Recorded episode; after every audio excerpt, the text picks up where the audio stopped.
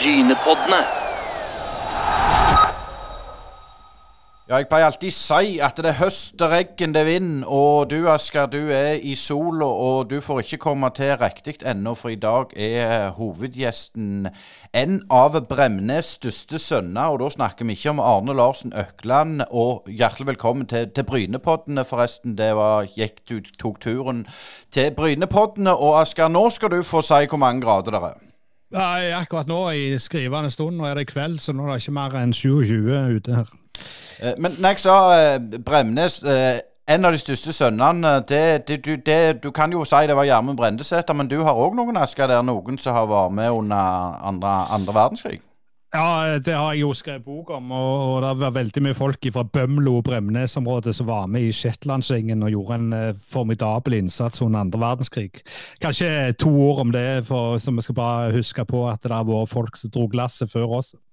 Det var det. Og de som da drar lasset i Kongsvinger nå, det er deg, Eirik Mæland. Og eh, ja, dette med, med krigen og, og oppvokst på, på Bremnes, er det noe dere lærte når dere gikk på skolen, dette?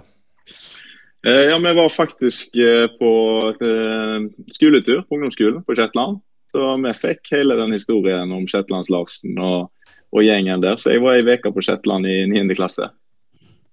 Ja, du ble jo ganske god du ble jo ganske god til å balansere deg når du er borte på den holmen. Det er jo ikke mange trær å gjemme seg bak der. Nei, i hvert fall når du kommer bra litt vestpå der, så, så er det ikke mange plasser å gjemme seg. Så jeg hadde faktisk med meg støtteapparat eh, til, til Bømlo her i sommer, og da var det ti grader og kuling. og vi var ute og gikk langs sjøen der, og da var det friskt. Men eh, før vi kommer, kommer inn på Kongsvinger, eh, du må jo si litt. altså Du er jo en sånn klassisk talent i, i en lokale klubb som er relativt liten, med, med Bremnes. Og så eh, går du da den veien som de fleste gjør, eh, til FKH. Haugesund er jo nærmest eh, i Havntegn storbyen der. Eh, kan du si litt om den overgangen? altså Det var vel noe sånn fotballgymnasgreie eller idrettsskole du gikk på? Eh, ja, eh, for, for meg var jo valget Jeg gikk ett år på videregående på Stord, på idrettslinja der. Hadde en mor som ville holde meg hjemme, så jeg var ett år der. Og så kom jeg på til sommeren til andre klasse videregående. Da var jeg litt sånn der eh, Sto med et litt sånn veiskille, for jeg følte at eh, nå var nivået på en måte i, i moderklubben eh, litt for lavt. Jeg hadde lyst til å satse på fotballen og se hvor god jeg kunne bli. Og da vurderte jeg sto det liksom litt mellom Bergen og, og Haugesund. Eh, så var ikke jeg Jeg var et OK talent, men kanskje ikke sånn det aller største heller. Men eh, da falt det naturlig å reise til Haugesund. Litt mindre forhold, litt kortere vei hjem. Eh, og så traff jeg eh, klubben på veldig godt tidspunkt. Jeg hadde vært nede i, i andredivisjon, faktisk. Nettopp rykka opp. Jeg kom på sommeren eh, første året de var tilbake i Adeccoligaen og fikk eh, tidlig komme inn med A-laget og, beit meg fast der. og Så fikk jeg være med på den, den oppturen som har vært der nå i ja, opprykk og osv. Cupfinale òg fikk, fikk jeg være med på uten at jeg var delaktig på banen der. Men vi kan si litt om, om det der første året der i FKH. altså Du, du nevnte at de hadde vært litt nede. og Det var jo en satsing mellom Jerv 1919 og, og Haugar, dette her, og de skulle ta Haugesund på fotballkartet. Men sånn stemninga i og rundt laget og byen på den tida, hvordan var det? Eh, nei, det var jo spesielt da rivaleriet med Vard, da, fordi det er jo på en måte tre klubber i Haugesund. og Det er jo Vard Haugesund, og så er det Haugar og Jerv i 1919. og De to, eh, Djerv og Haugar, hadde jo, eh, gikk jo i lag om å stifte FK, men Vard ville ikke være med på det. og da lå jo litt i, eller lå veldig i lufta der egentlig, de første åra. Eh, for da var jo Vard og FK hadde vært på samme nivå, så hadde begge to vært nede. Men, men FK gikk opp, og ikke Vard. Eh, så jeg husker spesielt på de toerkampene mot Vard og treningskampene mot A-laget Vard. var vel så mye folk der som det var eh, på seriekampene. Så det er veldig sånn der, eh, litt sånn hatforhold, egentlig. Og så eh, roa jo da seg når vi på en måte ble tydelig nummer én og, tok steget opp i, i daværende tippeliga. Alltid det er artig å spørre om sånn. Er det, tror du det er folk i dag som heier på, på, på, veldig på Vard, som ikke går på FKH-kamper? Ja, ja, det er det. Uten tvil. Og det er folk på, på Skudenes òg som heller reiser til Stavanger og ser på Viking. Så det jo, du skifter ikke fotballag, og, og sånn er det. Så det ligger i, i sjela til folk. Eh, Men du gikk jo òg i klassen med, med en, en kar som trener Start. og hvor- hvor- Hvordan var det vennskapet kom til?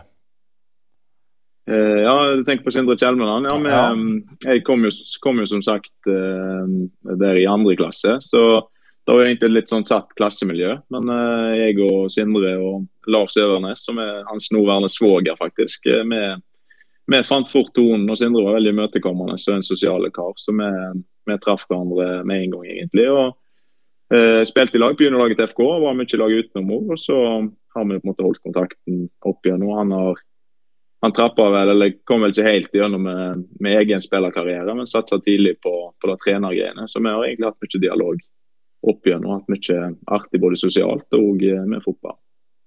Eh, jeg skal komme litt innpå på, resten av fotballkarrieren din eh, om et øyeblikk. Men når du først er inne på Kjelmeland her, så hadde du jo Kjørnø nylig, som, som var i, i Stabæk. Eh, dere som er holdt på å si, samme generasjon, dere er jo alle, alle tidlig i 30-åra. Altså, hvordan er det å være unge trener i Norge i dag? Altså, er det sånn, Føler du at dere får en sjanse, og hvis den ikke går sånn som dere håper eller tror, så, så, så er du ute i kulden? Eller føler du det liksom rom, eller er det gamlingene som dominerer, føler du ennå? Nei, Jeg syns egentlig det er en litt sånn fin miks på det. Eh, jeg synes egentlig de, det er mange klubber som tør å, å satse ungt. Og så tror jeg jo at det går litt sånn i syklus hva klubbene er på jakt etter. og Eh, som f.eks. i mitt tilfelle Kongsvinger, så kommer jeg på en måte på inn på et tidspunkt hvor, hvor en har rykka ned. Hvor det er liksom OK, en skal bygge nytt igjen og tenke kanskje litt at det kan være en del av det og være med å bygge det opp. Eh, mens i andre tilfeller så det, må de kanskje ha resultat med en gang, og de trenger, trenger kanskje den greia. Da kan du ta noen som har litt mer ballast. Men øh, ja, nå kan du ta Kjøne, da, som fikk øh, sparken i Stabæk. Han er ikke det siste du ser av han i norsk fotball. Han kommer til å komme tilbake. Uh, og Han har jo vært trener lenge, og der, jo, der har jo Sindre vært òg. Kanskje i motsetning til meg, så har han mer spillerbakgrunn. Eh, så har jo de vært fotballtrenere i mange år og, og kan ekstremt mye. Eh, fotballfaglig så er de veldig veldig sterke. Så de guttene der eh, Nå gjør jo Sindre det veldig bra med start igjen, og det er kjekt. Og så Kjøne kommer til å komme på scenen igjen kjapt. Men du er inne på dette, dette, temaet her, så kaller jeg dere for den nye vinen i Fotball-Norge. Men du ser sånn som så, så Sindre i start, og han, han, hadde jo en periode der det var veldig tøft, og det blåste veldig rundt han. Og, og, og klart, hvordan er de mekanismene der? For da sitter jo disse gamlingene i styrerommet og, i veggene og, og, sier alt var så bedre før. Hvor tøft er det å stå i den stormen der? Ekstremt tøft. Eh, og da, Det er jo det som går på erfaring for de eldste og beste trenerne òg. De har jo vært gjennom de tingene der og, og veit å stå gjennom ting. Mens når du er i noe første gangen, så er det jo eh, Det er vanskelig. Eh, det er ikke alt, En vet ikke helt hvordan en agerer. Eh, hva grep en skal ta. En har liksom ikke vært gjennom det. Men eh, Eh, for min del så hadde vi en veldig tøff vår i, i vår, hvor eh, resultatet ikke gikk så bra. og Selvfølgelig da utfordrende. Du ligger og spinner på ting. Du er usikker på, på deg sjøl på ting. Eh, er du flink nok, gjør du nok osv. Så, videre. så den å ha vært igjennom det, da gir deg en veldig god ballast. og Da tror jeg både, både Eirik og, og Sindre i deres tilfelle at det, da, det er noe de tar med seg videre i karrieren.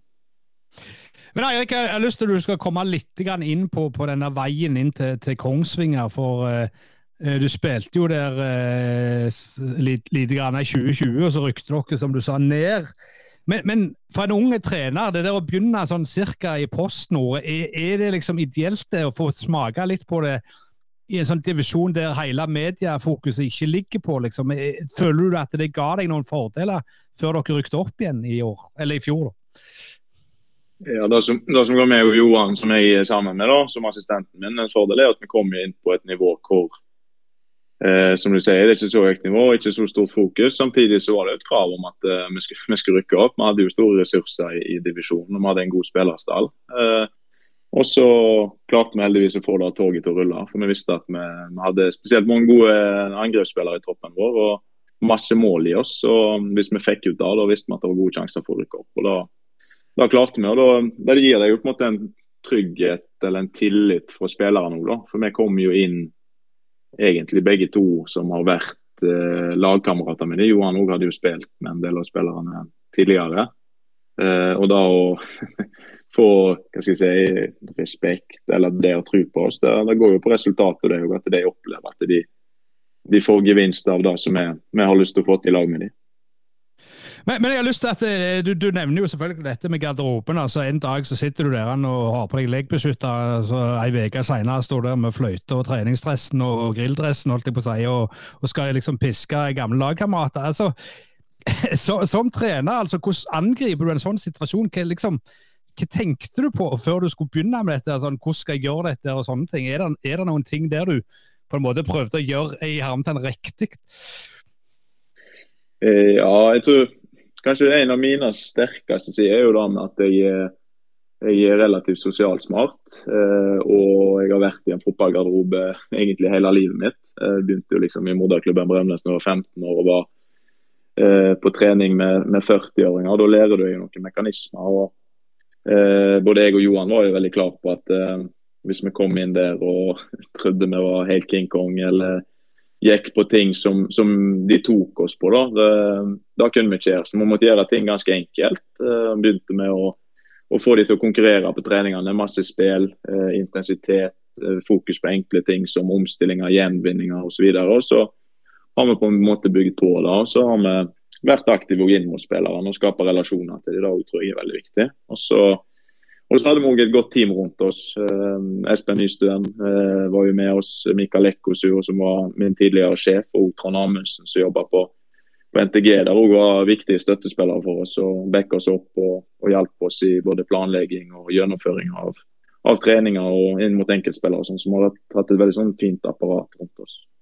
Eh, men dette med tid. altså En fotballtrener trenger jo tid, det vet og han får aldri tid. Men eh, det der presset å jobbe under det, altså det er litt sånn som i businessen med salg. Det nytter ikke å si ja, jeg skal selge mm. godt om fem år, du må selge godt neste måned. Er, er, det noe dere lærer dette her når dere tar trenerutdannelse, den der mentale påkjenninga, eller er det bare noe som du sier du, du må oppleve for å få erfaring?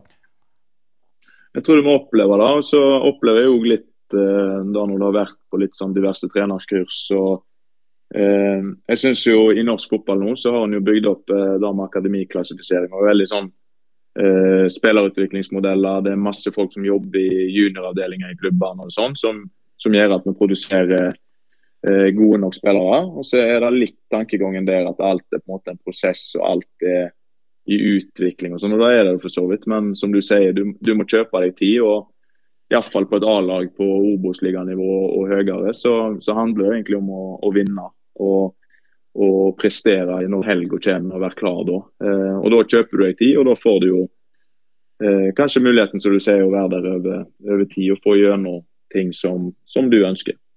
Eh, du nevnte Espen Nystuen der. Nå har vi jo sjekket opp litt. og det er klart Espen Nystuen er jo en, en fargeklatt og en krevende sportssjef. Men det er litt sånn det når dere kommer inn som yngre trenere. Du har en, en Jeg bruker ordet galning i hermetegn i positiv forstand, som skal liksom prøve å, å, å tenke gjerne at er Kongsvinger Litt sånn som Bryne, at de er i toppen av norsk fotball. Når du kommer inn, så er dere i Post Nord. Og er det liksom vanskelig å styre i et sånt terreng? For, for jeg på å si, kart og terreng stemmer gjerne ikke alltid.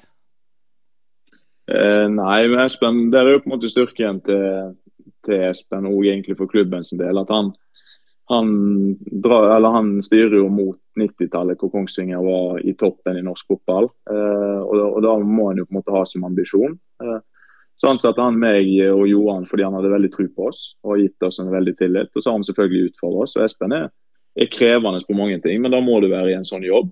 Eh, samtidig så la jo han liksom hodet litt på blokk i og med at han ansatte to jyplinger som hadde ingen erfaring. Så han, eh, han tok en, en sjanse. Og så um, håper jeg at vi har uh, klart å betale litt tilbake til han for, for det, for da, da fortjener han.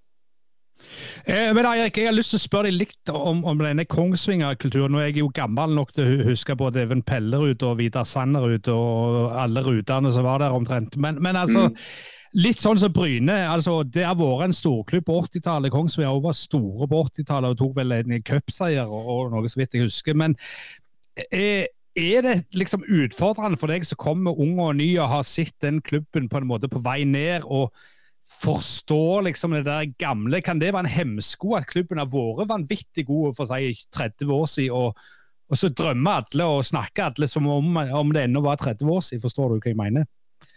Eh, ja, ja jeg er absolutt med på, på eller skjønner hva du mener. Men eh, jeg har egentlig ikke opplevd det på den måten. Det kan være litt fordi jeg er ikke så tett inn i lokalsamfunnet. Eh, og så har vi på en måte gjort det bra òg, så det er ikke sikkert at det greiene har kommet så, så mye. Eh, og så begynner det å bli ganske lenge siden òg, da. Så, eh, men, men, det er jo på en måte en styrke å vite at det er mulig å få til. Eh, og så syns jeg at det, Eh, Kongsvinger det er jo liksom en karakterklubb. med det, Alle fotballklubber er unike på sin måte. Bryne på sin måte, Kongsvinger på sin måte osv. Eh, det er inne i skogene der med folk, og de er jo litt sånn der eh, trauste, og de tar ikke av på noen som helst måte. Så eh, da må litt ekstra til for å vekke dem til live. Da er det kanskje eliteseriespill som så, så kommer til å vekke dem. Jeg merker nå i det siste, når vi liksom har nærmet oss litt den playoffen, så har det eh, vært litt sånn eh, gnist i folk igjen.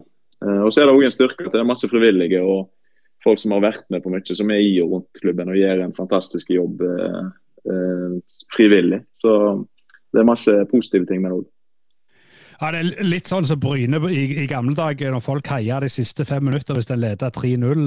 Men, men, altså Litt om denne østlandsfotballen. Altså, du har vært i Fredrikstad og du har vært i Kongsvinger også som spiller. Men er det noen sånn markante kulturforskjeller i og rundt klubbene i Fredrikstad og Kongsvinger som du merka kontra det du var vant med i Haugesund?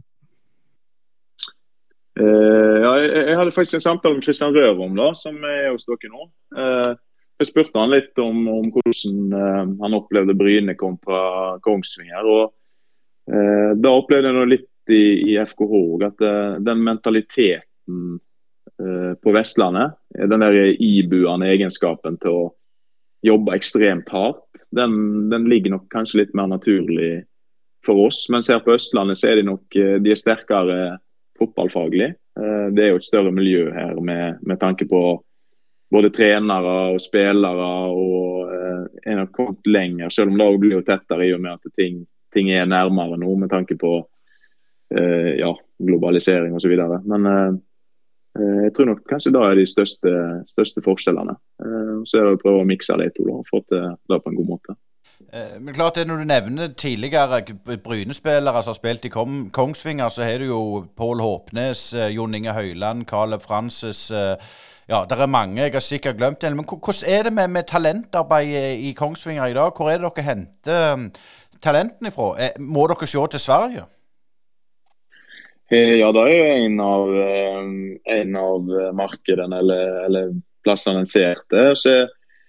Eh, Kongsvinger har jo NTG, som har vært der nå siden 90-tallet. Og var et av de første fotballgymnasene i, i, landet, eller iallfall en av de, de første. Eh, står veldig sterkt. Eh, og så Litt av utfordringa der er jo at det er ekstrem konkurranse i Oslo-fotballen. Eh, Uh, og så På Hamar har du HamKam, du har Lillestrøm, du har Stabæk, du har Vålerenga. Nå har du KFUM som gjør det bra, du har Skeid, du har Grorud osv. Så, videre. så det er en ekstrem konkurranse. Uh, og da å klare å løfte sine egne lokalmiljøer og lokalfotball, da har han jobba med, med, akademi. Han prøver å bygge opp trenere i ungdomsavdelingen i Kongsvinger. Og så er det å prøve å treffe på, på kanskje folk som detter litt mellom to stoler i, i Oslo-fotball. F.eks. Martin Vinjer er et godt eksempel på.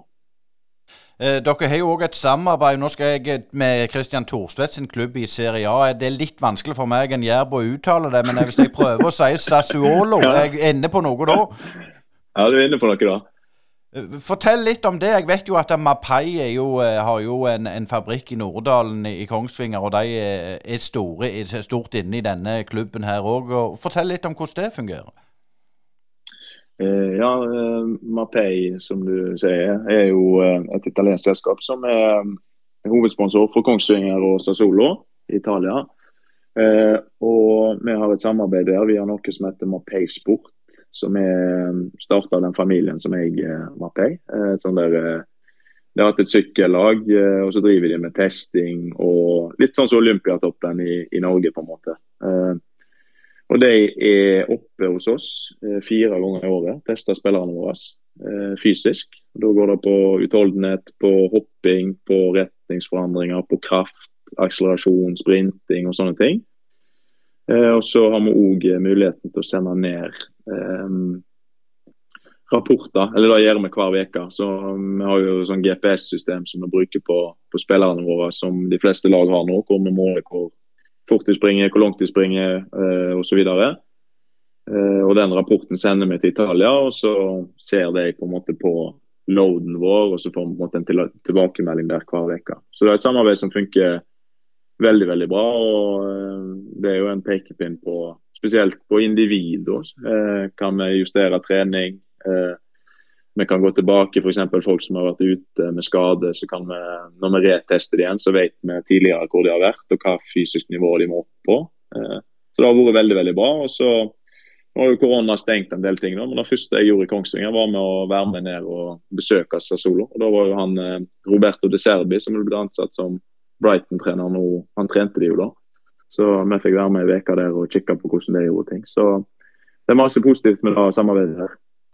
Eh, jeg tenkte jeg skulle si, Har du sånn BMI-test på deg sjøl òg, eller er det bare spilleren? Nei, Det kan være med å teste fettprosent. Så Jeg testa faktisk ikke noe, men jeg var med når jeg uh, var med og spilte. Så da lå jeg greit an. Men uh, ja, det, jeg tror ikke jeg har gått så mye opp faktisk etter jeg slutta. Det er verre med Nystuen. Han tror jeg bikka 20 nå sist. så Det er, litt sånn... Det er sikkert verre for oss òg, Asker. så dere kommer over, så kan vi få testa dere.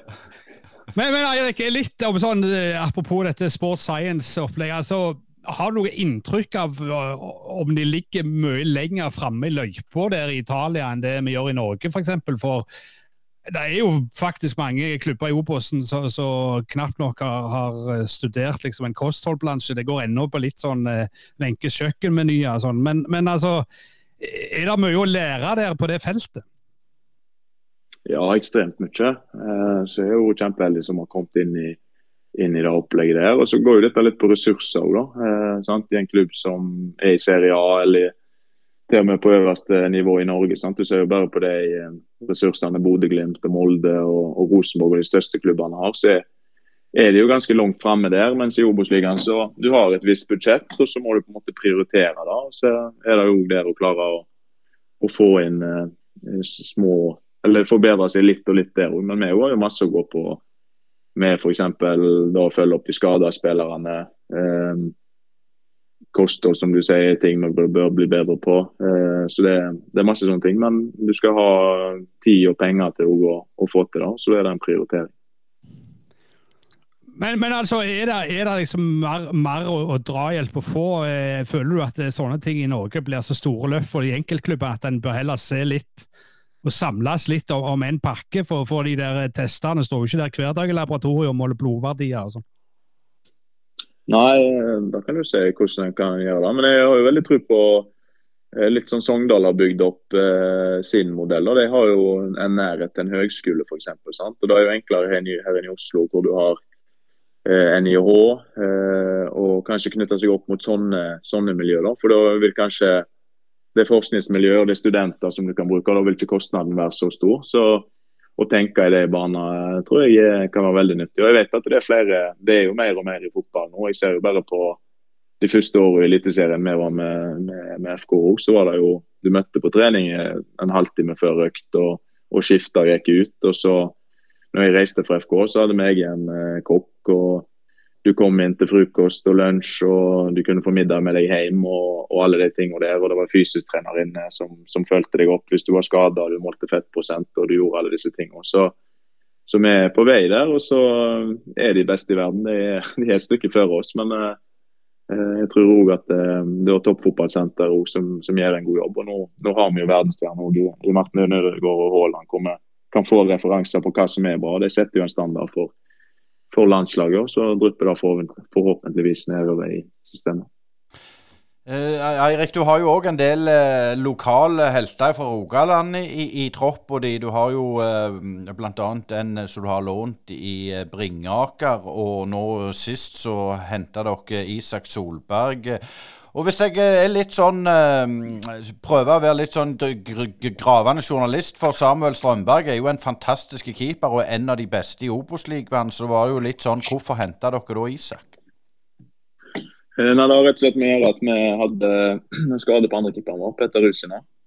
Så vi var usikre på hvor han var skada. Han fikk seg en meniskskade. Så hadde vi med en juniorkeeper, Mats Lindegård, som er en ung keeper i fin utvikling, men han òg er på en måte ikke helt eh, hvis vi skulle få en skade på Agge, så var ikke han helt der ennå. Så da var Isak tilgjengelig. Og så går Peter sin kontrakt ut etter sesongen òg, så det var på en måte en fin måte å bli kjent med Isak på. Eh, og Bringaker han har vært litt ut og inn av lag. Eh, men hvor viktig er det på en måte å få nytt blod inn i en tropp? Altså, Dette er jo bare et lån, men, men er det viktig for, for, et lag?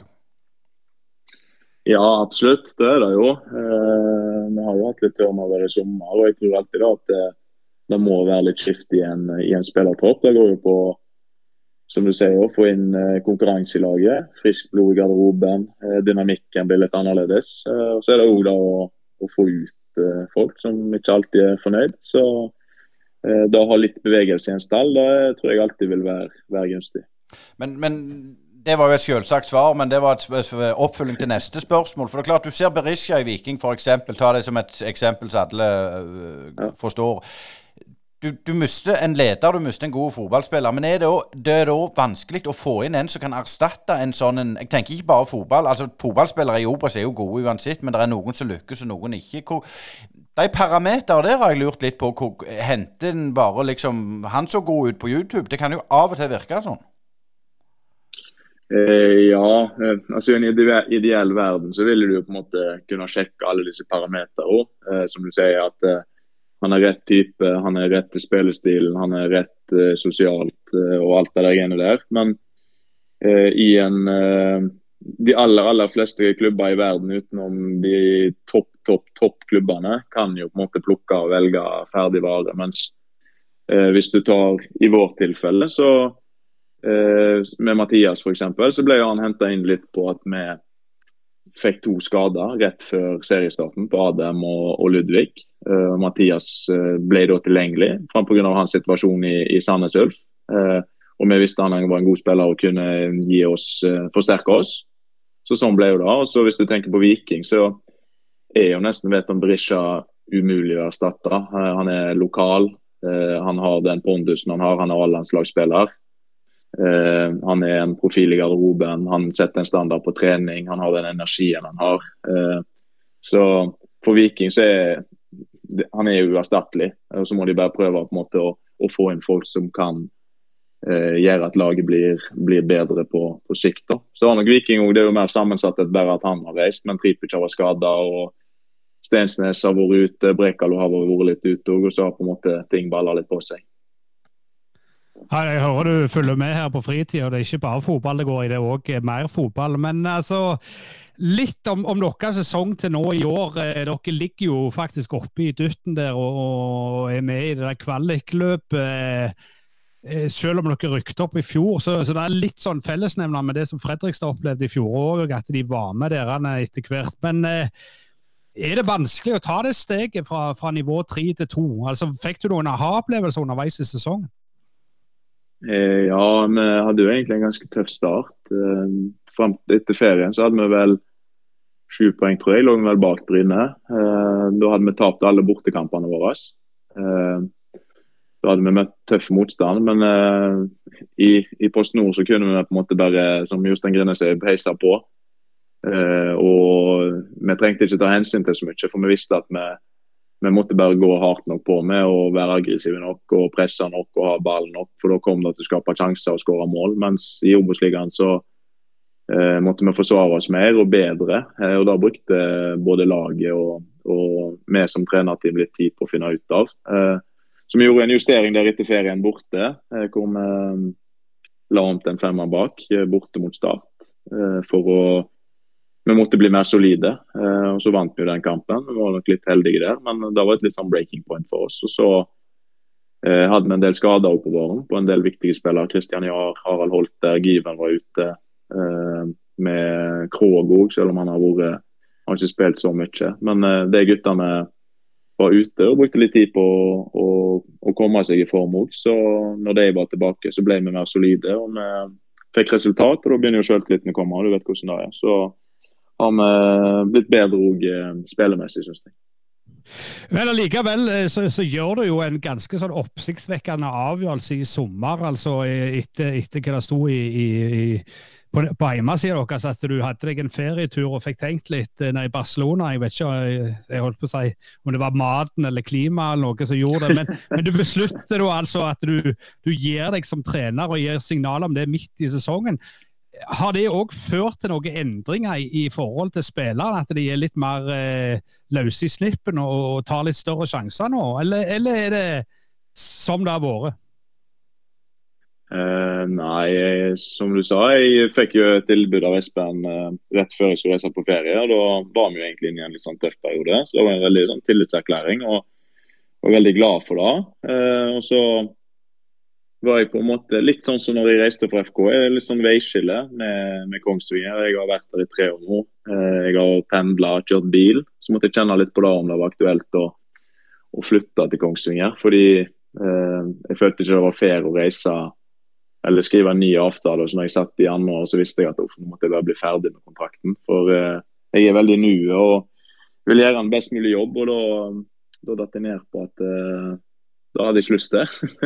når jeg veide for og imot. Og var ærlig med Espen om det. Og han òg ville ha et svar og da, for å starte prosess med å, å finne en ny mann. og da han hadde vært fair med meg, og da hadde jeg lyst til å være fair med han. Og Så hadde vi diskusjoner på hva vi skulle si til spillerne, om vi skulle si det. Og så var vi jo litt inne i en litt sånn vanskelig periode der. og da tenkte vi at det kanskje kunne gi, gi energi til spillerne. At det kunne være noe samlende. Eh, ikke fordi det skal bli løsere i snittet, men fordi jeg tror jeg har en god relasjon til spillerne. Eh, at eh, det kunne samle oss. Og det tror jeg det har gjort. Og så tror jeg spillerne òg har sett at eh, jeg, det har ikke vært noen forskjell fra den dagen jeg sa at jeg ikke skulle være der. eller eh, fra før. da, Så heller kanskje motsatt, at vi har vært enda mer innbitt på å, å, å, gå på og vise at dette skal vi få til i lag. og Det har vært, det har vært viktig, og det har eh, funka bra, syns jeg. Jeg, tenk, jeg, tenker faktisk ikke på, så mye på at jeg skal slutte heller. Da tror ikke jeg spillerne heller gjør eh, Nei, men nå skal vi ikke grave mer i det. Men, men er det litt med det òg, med, med, tanke på hvordan Kongsvinger tenkte og, fotball, og du tenkte fotball? Eller hadde, altså Det er jo en totalvurdering, selvfølgelig, men, men det var det òg litt hvor, hvor, hvor, du ville, og hvor de ville? Nei, nei, det har ingenting med det å gjøre. Meg og Johan har vi har fritt med. Så eh, vi har jo fått tillit av Espen, og den tilliten har vi jo fått pga. at vi har skapt resultat og, og får til ting. Så mm, det har ingenting med det. Vi er veldig komfortable og tenker veldig likt på, på måten vi ønsker å spille fotball med som, som Kongsvinger. Så tror jeg at vi har på en måte satt vårt preg med det, litt som jeg snakker om med, med den vestlandsmentaliteten. Og kanskje at vi har blitt mer direkte enn kanskje Kongsvinger har vært de siste årene. Jeg går ut ifra at det ikke kommer en stor eh, reportasje i Bømlo-nytt nå, at eh, du skal flytte hjem og begynne som reketråler eller noe sånt. Men, men altså, du, du, bor i Oslo. Eh, som du sier, det er mange klubber i Oslo. Mange som, som satser. Noen satser litt mindre. Eh, hva tenker du om framtida? Blir du værende på Østlandet og søke deg en klubb i det området innenfor litt mer rimelige rimelig kjøreavstand, eller skal du ta en timeout og tenke litt? Jeg får ta først med reketrålene. Jeg tror det er mange som hadde fått seg en god latter på Bømlo da, hvis jeg skulle begynt med det. For da tror jeg ikke det hadde blitt mye, mye reker, for å si det sånn. Uh, uh, nei, uh, jeg er egentlig åpen for veldig mye.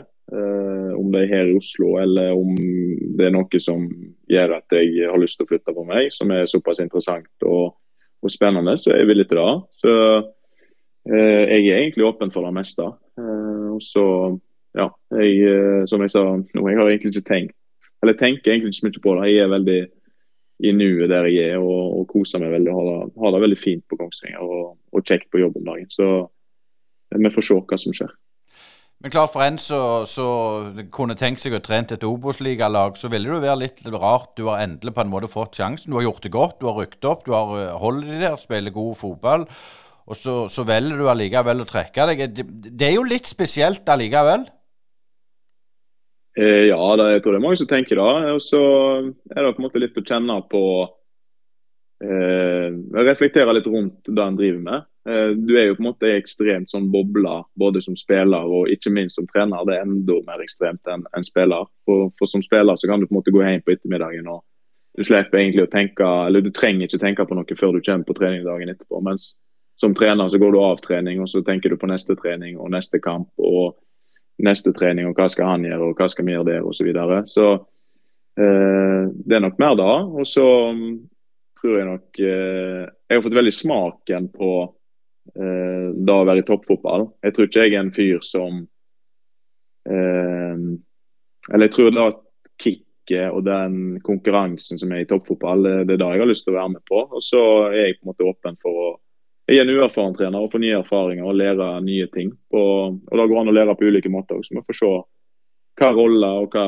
hva, det blir. Det er jeg uh, usikker på. Som sagt, jeg er åpen for, for mange ting. Ja, du nevnte jo han her, han er sjefspeiseren i, i, Haugesund her tidligere. Han har jo sittet i en mannsalder, og, og, en gang så må jo han òg gi seg. Er det en drøm for deg å komme tilbake til Haugesund og trene dem, eller er det ikke noe du tenker noe særlig på? Nei, Det har jeg ikke tenkt så mye på, egentlig. Um, jeg tenkte som spiller når jeg reiste fra Haugesund at jeg hadde lyst til å komme tilbake igjen på Jeg følte ikke egentlig at jeg var ferdig der. Så um, jeg vil jo alltid ha en link til FKH, i og med at jeg var der i ja, nesten tolv år.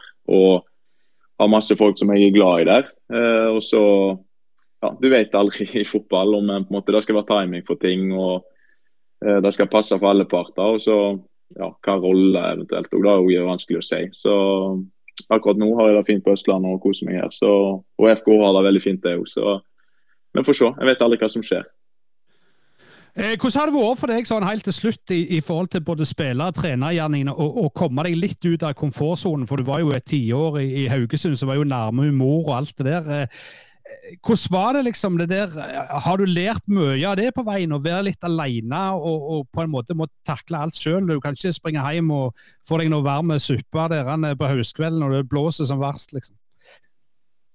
Ja, ja, det er jo det som var fint med Haugesund, som du sier der. Den, den, muligheten til å kjøre hjem til, til kompisene og til Bømlo. Jeg tror knapt jeg hadde vært vekke fra Bømlo mer enn 14 dager før jeg flytta her til. Og da var jeg snart 30, så det var kanskje, kanskje på tide. Eh, og som du sier, da å komme bort her og komme i et annet miljø og, og tenke annerledes. Og så fikk du òg et perspektiv på at eh, eh, det var OK det vi holdt på med i Haugesund òg, at det er masse bra ting der òg. Så det tror jeg at har hatt veldig, veldig, veldig godt av.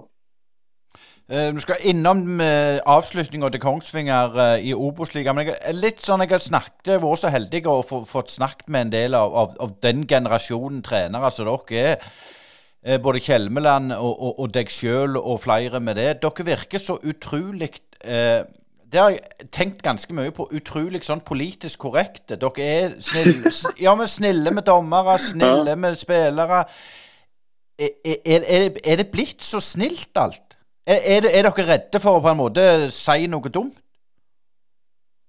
Eh, ja, jeg vet ikke jeg er bevisst av det, men det går jo litt på rolla di òg. Fordi du hadde jo mest sannsynlig, hvis jeg hadde sittet hvor bajas, eh, så hadde jeg nok tenkt inn han idioten der. For det er jo, det er jo lettere for Fagermo og Rekdal og den gjengen der som har en ballast, og, og ha sterkere meninger. Og det har jo reflektert og opplevd mer ting. Mens jeg er kanskje i Nå snakker jeg bare for meg sjøl, men Uh, det er mange ting jeg ikke på en måte har tenkt gjennom og tatt stilling til, for jeg har ikke vært gjennom det. Så det er vel kanskje mer da at du, du svarer noe mer sånn selvfølgeligheter som fordi du, du har kanskje ikke så stor mening om det. For du, som sagt, du har ikke du har ikke opplevd så mye, og du har ikke så mye refleksjoner rundt de tingene der. Og så vil du kanskje ha mest fokus på, på det du gjør akkurat nå, og så vet du at det kommer en del ting med, med de tingene der. Hvis du er hvis du stikker det for mye fram. Og så er litt kanskje den vestlandsmentaliteten òg, at den uh, sitter litt rolig i båten, koser seg. Og fisker reker. Ja, nei, det, det er sant. det. og tråleren ute og ja. koser seg. Men vi må jo selvfølgelig innom, uh, innom avslutninga, for dere ligger jo los på en, på en kvalikplass der. Og jeg må bare spørre, hvorfor spiller dere i, i, i Kongsvingerhallen? Fordi de skal skifte kunstgress på Hjemslund. Uh, det er bra. Da fikk vi vite det òg, Asker. Men sånn som de siste rundene nå, er, er det sånn at uh, Er målet å klare en kvalik, eller er dere i grunnen fornøyde der dere Det var et fryktelig dumt spørsmål, hørte jeg, men uh, allikevel. Nei, vi skal, vi skal, gå for kvaliken. Det er ingen tvil om. Det er jo litt sånn når han keeperen deres er vel snart toppskåreren, er han ikke det? Iallfall på, i fall på Bryne stadion så er han toppskårer. Der, der, var han fin. Ja, det var han fin. Jeg vet ikke om du fikk med deg det, Asker?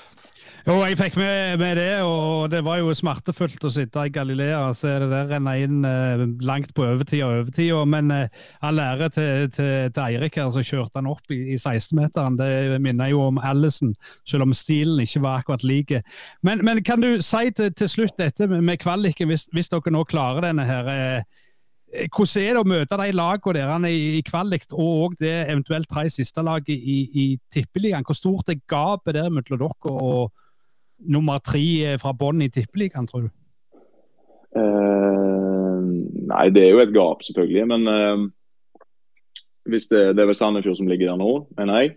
Uh, og litt sånn som de har sett ut, så over to kamper, så er det ikke det umulig å få til. Hvis da vi skulle nå rote oss oppi der. Så i de kampene lever jo litt sitt eget liv òg. Og som Obos-lag så kommer det jo ofte på at du har hatt en en god sesong, mens en har stått og stampa i Eliteserien og bare vært brutalt. Så eh, ja, det, det, er et gap, men eh, det er absolutt mulig. Ja, det er absolutt mulig, eh, Eirik. Jeg må spørre det, Du heter jo eh, ikke bare Eirik Mæland, men du har et, et, et mellomnavn der, Vespestad. Det, hvor er det ifra? Jeg har jo ei mor som er øh, feminist, det er sterkt ord, men hun er jo øh, Hun skulle absolutt ha det navnet med. Så Jeg likte det så godt da jeg var liten, men egentlig mer og mer komfortabel med det. Jeg syns nesten det er finere enn Mæland, faktisk. Kanskje det, det bare vokser og vokser på meg, egentlig. Det får være siste ord, og vi får håpe at du vokser og vokser som trener. Det var utrolig kjekt du tok deg tid til oss i Brynepodden, Eirik. Og masse lykke til i de avgjørende kampene inn mot eh, sesongen. Og husk, Jerv i fjor klarte det. Det er ikke umulig. Nei, absolutt ikke. Så jeg sier takk for at vi kommer. Så skal jeg prøve å bli litt mindre politisk korrekt. Det skal jeg ta med meg i, i ha med meg i bakover. Det er bra, og uh, det får være siste ord, Asker. De, de, er politisk korrekte og, og vanvittig gode karer, disse unge trenerne. Ja, men det tror jeg har litt med, med samfunnet de har vokst opp i òg, som har blitt litt mer den veien. og han er heller ikke noen reketråler, så, så, da hadde han kanskje vært litt større i kjeften hvis han hadde drevet og tråla reke. Hadde det. Og vi må bare kjøre en sånn en som så dette òg med. Frivilligheten langs rv. 44 er i samarbeid med Rogaland fylkeskommune, Sparebanken Sør og Reimar Lode AS. Vi skal på tur, og vi er snart eh, i mål med turen. Vi er i mål med turen. Den begynner å rulle utover hos oss fra 3.11, Asker. Og det var det vi hadde for eh, denne gang i denne Brynepoddene. Vi er tilbake i neste torsdag. Tusen hjertelig takk for du hørte på. Brynepoddene.